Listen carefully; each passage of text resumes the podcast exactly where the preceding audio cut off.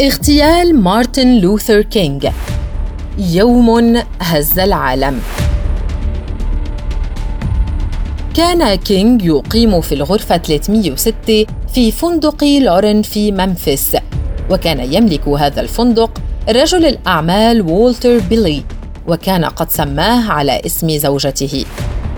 كما صرح القس رالف أبرناثي زميل وصديق مارتن في وقت لاحق لمجلس النواب لجنة الاغتيالات أنه مكث هو وكينج في غرفة رقم 306 في لورن موتيل في كثير من الأحيان حتى أنها باتت تعرف بجناح كينج أبرناثي. آخر كلمات كينج كانت للموسيقار بن برانش الذي كان من المقرر أن يقدم عرضا هذه الليلة في مناسبة مقررة حيث قال له بن يجب أن تعزف أغنيته.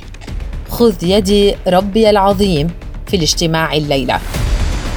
خرج كينج إلى الشرفة عندما أطلقت عليه رصاصة واحدة من طراز ريمينغتون 760 وتخللت الرصاصة خده الأيمن وكسرت فكه وعدة فقرات ونزلت إلى النخاع الشوكي وقطعت حبل الوريد وشرايين رئيسة قبل أن تستقر في كتفه.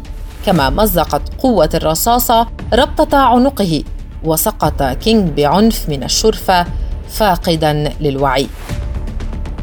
وبعد فترة وجيزة من إطلاق النار على كينج رأى شهود رجلا كان يعتقد فيما بعد أنه جيمس إيرل ري يفر من منزل مؤجر عبر الشارع من لورين موتيل حيث أجر ري غرفة هناك.